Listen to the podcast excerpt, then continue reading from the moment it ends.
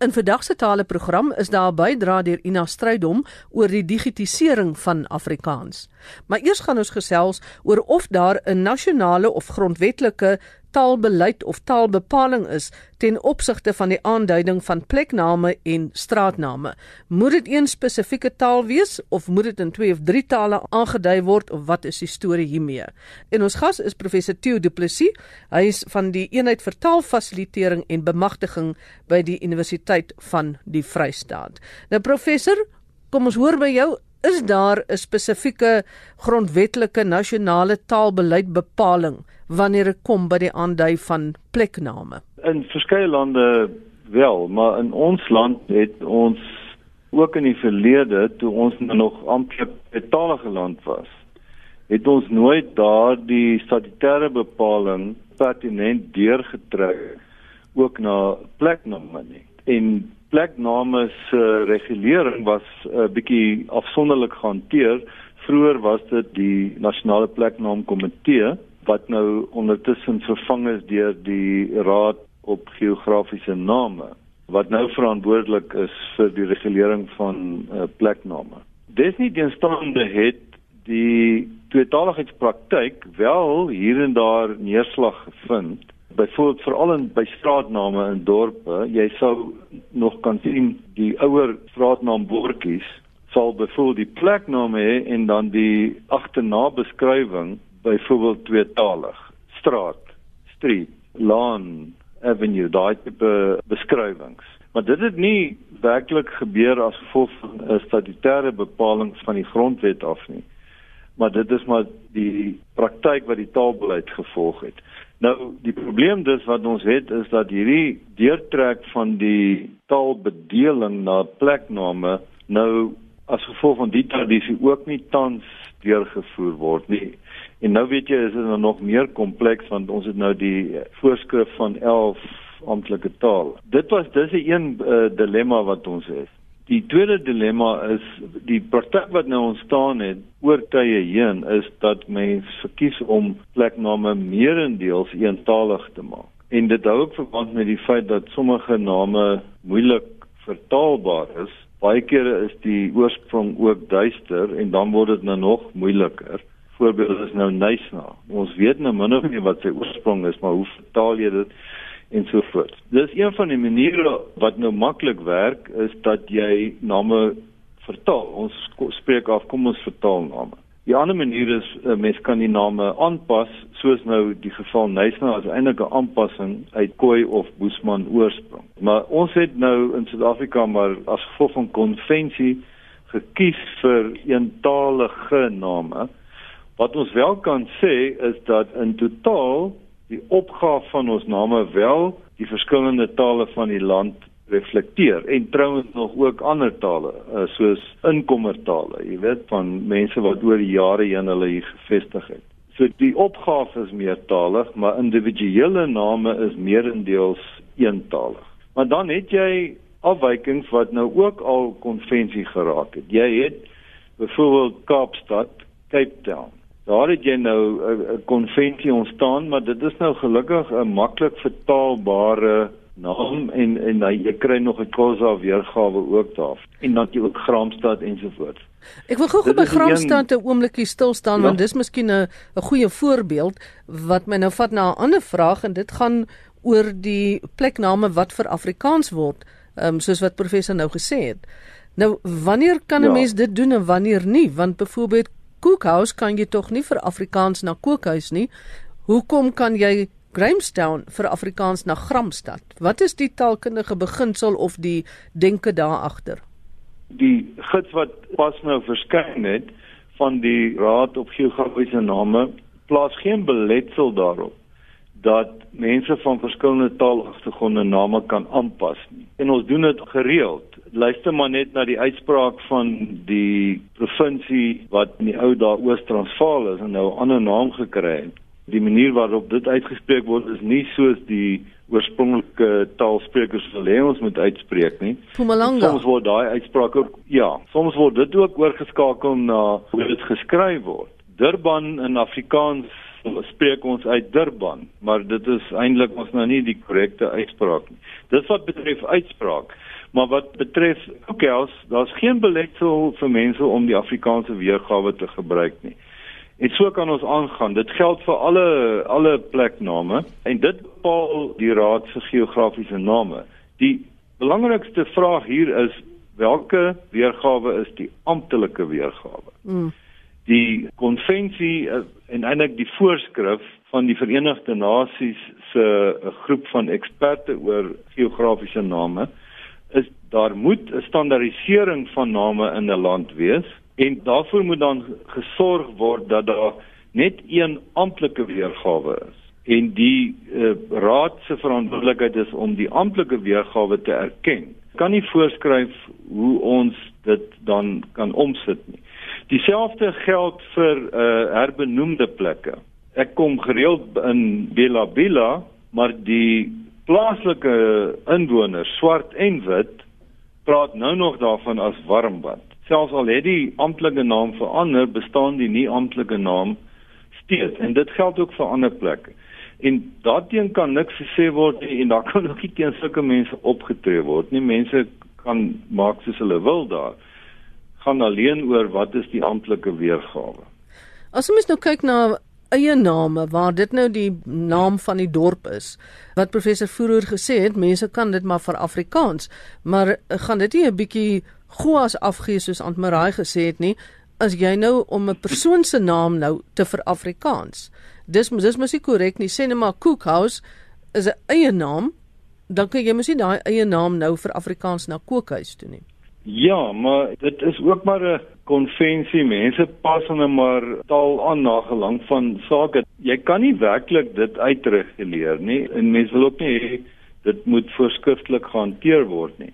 Dit kan waarskynlik nie soveel chaos afgee nie waar dit byvoorbeeld redelik naasliggend is of naasklinkend is of naaslykend is. Dink ek nie kan verskriklik uh, probleme afgee nie byvoorbeeld die Engelse se uitspraak van Bloemfontein, Bloemfontein, uh, hulle skryf dit ook so, uh, dit is nou nie 'n uh, vreeslike afwyking nie. Dit gaan werklik onmoontlik wees om te vereis van die staat om alle gebruike van plekname te reguleer. Waar die probleem kan ontstaan is nou soos ek sê in amptelike gebruik, as jy nou 'n briefpos, ek weet nie of daar nog mense is wat dit doen nie, maar as jy nou 'n briefpos Daardie poskantoor gaan werk op die amptelike name wat dan nou in 'n uh, eh, gegazetteer is en die name verskyn dan by hulle op lyste. So as jy dan nou die risiko wil loop om in daardie amptelike hoedanigheid nou met jou weergawe van 'n pleknaam te kom, dan is dit nou maar half jou risiko. Is die taalbeginsels ook so streng toepasbaar by plekname? en dorpsname. Kom ons vat byvoorbeeld iets soos 'n klem. As 'n mens nou sê uh, grawater soos ons van praat, die mense praat van die lang kloof. Nou dit is eintlik nie die korrekte klem nie. Dit moet wees grawater en lang kloof. Daardie afwyking ja. maak seker nie saak nie. Dit is seker maar beskou as streektaal. Wel, as dit nou oor die uitspraak gaan, geld dieselfde magteleen. Jy kan werklik nie voorskryf hoe mense die uitspraak van plekname hanteer nie. Baie van daardie name is moeilik uitspreekbaar en dit trouens het aanleiding gegee tot 'n klomp veranderings in die plekname. 'n Voorbeeld is byvoorbeeld 'n plekkie wat ons leer ken het as Umtata en jy onthou hoe hy geskryf gewees. Ja. En daardie uh, skryfwyse was met 'n um Umtata en dis verander na hoe dit werklik uitgespreek moet word Umtata en hy het nou 'n klein emmetjie voor as ek as ek uh, reg kan onthou. Weereens ons kan nie sê hoe mense dit moet gebruik nie en dit, dit hou verband met die gewone variasie wat in taal voorkom. Maar daar bestaan wel baie direkte voorskrifte oor hoe name geskryf moet word in die verskillende tale. En dit kan ook nou gevind word is in in hierdie handige gids wat die Raad vir Geografiese Name vir ons saamgestel het. Daarin word die spelreëls van die verskillende tale vir plekname, eie name wat in plekname voorkom, vervat. So dis baie nuttig en daar geld die taalkundige reëls vir die spesifieke taal wel.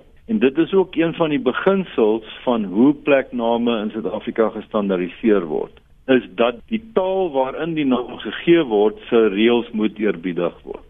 En daar is nog 'n hele paar name wat miskien foutiewelik selfs in Engels en Afrikaans geskryf het wat reggestel moet word, maar in die stadium word hoofsaaklik gekonsentreer op name wat in die verlede nie korrek geskryf was nie. Die word dan nou reggestel. Maar dit is dan gewoon taalkundige aanpassings om die name korrek weer te gee in skrif. Met ander woorde, dit gaan dan ook weer eens oor die amptelike naam. 'n Voorbeeld wat nou vinnig by my opkom is Ikopo wat 'n ja. kosa woord is daarom het hy die u vooraan wat die klas 5 skakel is. Hy moet in daai taal is dit die taalreël. Jy gaan nou nie voor Vredendal ja. sit u Vredendal nie.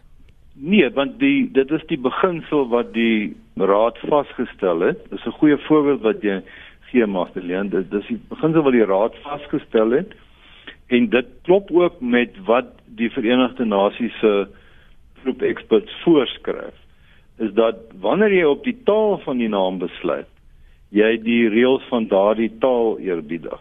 Maar nou moet jy nou onthou dit geld ook byvoorbeeld die naam van tale. Die naam Zulu in Afrikaans is Zulu.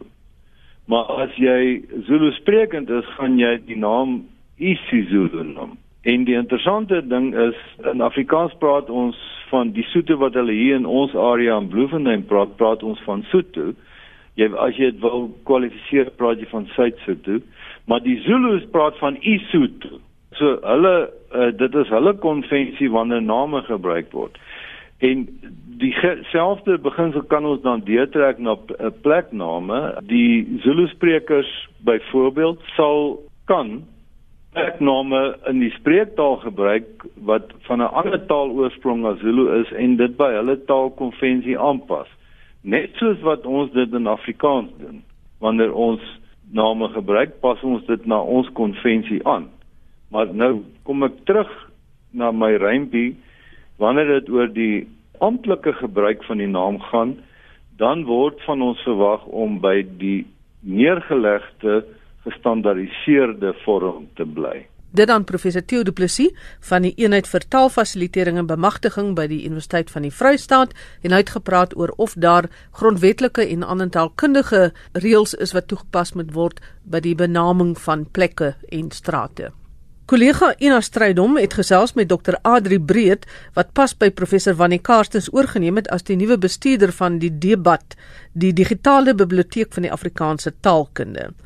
Dr Adri Breed verduidelik. Die DBOT het sy bestaande danke aan 'n soortgelyke Nederlandse database, te wete die bibliografie van die Nederlandse taal en letterkunde. En hierdie Nederlandse naslagron bestaan al vir verskeie dekades en is baie bekend in Nederland onder die akademici. En Prof. Pesek Padekoper van die Koninklike Universiteit in Nederland, waar hierdie database dan nou lê, het in 1993 teenoor Prof. Wannie Karstens van die NWU um, die behoefte uitgespreek dat 'n ooreenstemmende database vir Afrikaans moet ontwikkel word. En dit was baie duidelik dat dieselfde behoefte onder die Afrikaanse taalkundiges bestaan het. En uh, Wannie Karsens het toe byna onmiddellik begin met 'n soortgelyke Afrikaanse projek. En in 2010 was die digitale bibliografie van die Afrikaanse taalkunde, oftewel die DBAT, gereed vir bekendstelling. En van toe af tot nou het hy net gegroei en op die oomblik is dit 'n uiters omvattende naslaanbron vir enige iemand wat werk met Afrikaanse taalkunde. Tans is daar meer as 17000 bronne op die DBAT beskikbaar wat betrekking het op Afrikaanse taalkunde en dan word hier lopend aandag gegee aan die uitbreiding en die relevantie en die bruikbaarheid van die DBOT. Ongeveer 9500 bronne se volteks is onmiddellik op die DBOT beskikbaar en uh, ongeveer 1500 het skakels na die volteks vanaf die DBOT. Met behulp van die DBOT is dit dus moontlik vir navorsers om die grootste gedeelte van alle Afrikaanse taalkunde bronne onmiddellik elektronies te bekom. Die volle spektrum van Afrikaanse taalkunde word gedek, van die begin van die 20ste eeu tot nou so onlangs as um, Julie 2017. Die bibliografie word weekliks bygehou en die bedoeling is dat van die oudste tot die mees resente gepubliseerde Afrikaanse taalkunde bronne op die DBAT beskikbaar moet wees. Um, ons probeer nog steeds nie sê ons is volledig nie, maar ons probeer om alles wat jy moontlik in die hande kan kry oor die oor Afrikaanse taalkunde wel op die DBAT beskikbaar te stel. Wat presies behels die digitalisering van bronne? Nuwe navorsing wat gegenereer word, word toenemend uit die standspoor in elektroniese formaat aangebied. Met ander woorde, die artikels is onmiddellik en dikwels met oop toegang op die internet vir ander navorsers beskikbaar. En dit is maar net een deel van digitisering. Maar die ander deel is natuurlik dat 'n navorsing altyd ouer bronne geraadpleeg moet word, byvoorbeeld boeke of tydskrifartikels in gepubliseerde nommers. Hierdie nommers is baie keer slegs in harde kopie beskikbaar en dan moet jy op 'n manier hierdie publikasies in jou hande kan vashou. Dit beteken dat jy iewers hierdie materiaal moet aanvra of jy moet die fisiese biblioteek besoek waar die bron is. Maar dit was is al min van die kopieë van die bron beskikbaar en soms is die boek so oud en waardevol dat jy hom nie kan uitneem nie. So die tweede deel van digitisering is dus om hierdie materiaal wat nie so maklik bekombaar is nie um, en wat net in harde kopie beskikbaar is, dan nou te digitiseer deur dit in te skandeer en dan beskikbaar te stel op die internet of op 'n rekenaarformaat vir die gemeenskap. DBAT is byvoorbeeld besig om alle ouer Afrikaanse taalkundebronne wat uitdruk is of bronne waarvan die kopiereg al verval het en waarvoor ons toestemming gekry het by die uitgewers of die skrywers te laat inskandeer en op volteks op die DBAT beskikbaar te stel. Nou wat is die voordele van digitalisering? Wel, daar's 'n hele paar, maar ek dink die drie belangrikstes is ehm um, eerstens maak dit die, die navorsingsmateriaal meer toeganklik. Want enige persoon met 'n rekenaar en met internet kan die bronne nagaan en nie slegs net die persoon wat toegang het tot die biblioteek waar die bron gehou word nie. Tweedens maak dit navorsing goedkoper, want navorsers hoef nie meer ekstra onkoste soos reisgeld of posgeld aan te gaan om by die bronne uit te kom nie. En ek dink heel belangrikste is dat dit maak navorsing beter, want die navorser het toegang tot meer bronne en kan dus 'n beter perspektief bekom op sy of haar navorsingsonderwerp. Watter probleme is daar rakende digitalisering van Afrikaans? Weerens is daar 'n hele paar, maar ek dink vier is baie prominent en ek dink dit is 'n universele probleem wat enige iemand met wat met digitisering van goed te doen het um, met doen kry. Dit is soms baie duur om bronne goed te digitiseer. Want hoewel sekere tekste deur gewone huishoudelike skandeerders gedigitiseer kan word, is sommige materiaal byvoorbeeld historiese boeke of kaarte, baie keer ouer as 400 jaar, baie keer selfs ouer as dit. Uh, en dit is baie delikaat en kosbaar en kan nie sommer net deur enige skandeerder ingeskandeer word nie. Skandeerders wat gebruik word om hierdie delikate materiaal te skandeer is baie duur en nie enige instansie kan dit aankoop nie. En tweedens is dit um een van die redes hoekom ons die kolokwie wil aanbied. Party mense begin met 'n projek um, om Afrikaanse materiaal te digitiseer en besef nie dat daar ander instansies is wat soortgelyke projekte het nie. So verskillende mense of instansies is besig om ooreenstemmende bronne te digitiseer en ander belangrike bronne word glad nie gedigitiseer nie. En dit is veral in die Afrikaanse konteks waar dit relevant is. Derdens is dit belangrik om materiaal so te digitiseer dat dit bruikbaar word vir navorsing. Om 'n teks te voort gewoon in 'n PDF formaat te digitiseer help om die teks te bewaar en in 'n leesformaat beskikbaar te stel. Maar om dit werklik toeganklik te maak vir navorsers, moet die tekste in 'n geskikte formaat digitaal beskikbaar gestel te word. Byvoorbeeld as 'n teksformaat wat deur 'n verskeidenheid van navorsingssagteware gelees kan word. Ons ervaring is dat navorsers nie genoeg met die mense wat die skandeerwerk doen, hul behoeftes kommunikeer nie. En 'n gevolg is dat die digitisering van Afrikaans tans nog hoofsaaklik beperk is tot die bewaring van bronne en nog nie regtig ontvleit is vir navorsing nie en nie gelees kan word deur die rekenaarsagteware waar, waarmee die navorsing gedoen word nie. En laastens 'n baie praktiese saak is kopiereg 'n probleem want nie enige materiaal kan sommer net digitaal gekopieer word nie. Dit pos is dit nodig vir 'n instansie wat materiaal wil digitiseer om intensief met ander instansies soos uitgewers of biblioteke of die skrywers te onderhandel vir toestemming om die bronne te mag digitiseer. En soms is dit gewoon nie moontlik om die bronne te digitiseer nie aangesien die kopiereg wet dit nie toelaat nie. Nou, hoekom gaan julle werkswinkel hou? Wel, die doel van die werkswinkel is om alle instansies wat besig is om Afrikaanse materiaal te digitiseer om 'n tafel te kry sodat ons ons verskillende digitiseringsprojekte aan mekaar kan bekendstel. Ons wil graag 'n bestekopname maak van die Afrikaanse bronne wat reeds gedigitiseer is en die bronne wat besig is om deur instansies gedigitiseer te word. Ons hoop om so onnodige duplisering uit te skakel, maar ook om by mekaar te leer en selfs onkoste of infrastruktuur te kan deel waar dit albaar is. Ons hoop ook om aan die einde van die kolokwium 'n werkgroep of 'n sameroeper te kan identifiseer wat eienaarskap sal neem van die digitisering van Afrikaanse bronne. Net soos wat die DBAT 'n katalogus is van Afrikaanse taalkunde bronne, kan daar dalk na afloop van die kolokwium miskien 'n katalogus saamgestel word waar al die digitale argiewe van alle Afrikaanse materiaal um, en hopelik kan hierdie katalogus van die Afrikaanse digitale bronne 'n tuiste vind op Viva se webblad. Kan mense nog die kolokwium bywoon? Ja, die kolokwium um, is dan is is die 16de en die 17de Augustus en enigiemand kan dit bywoon.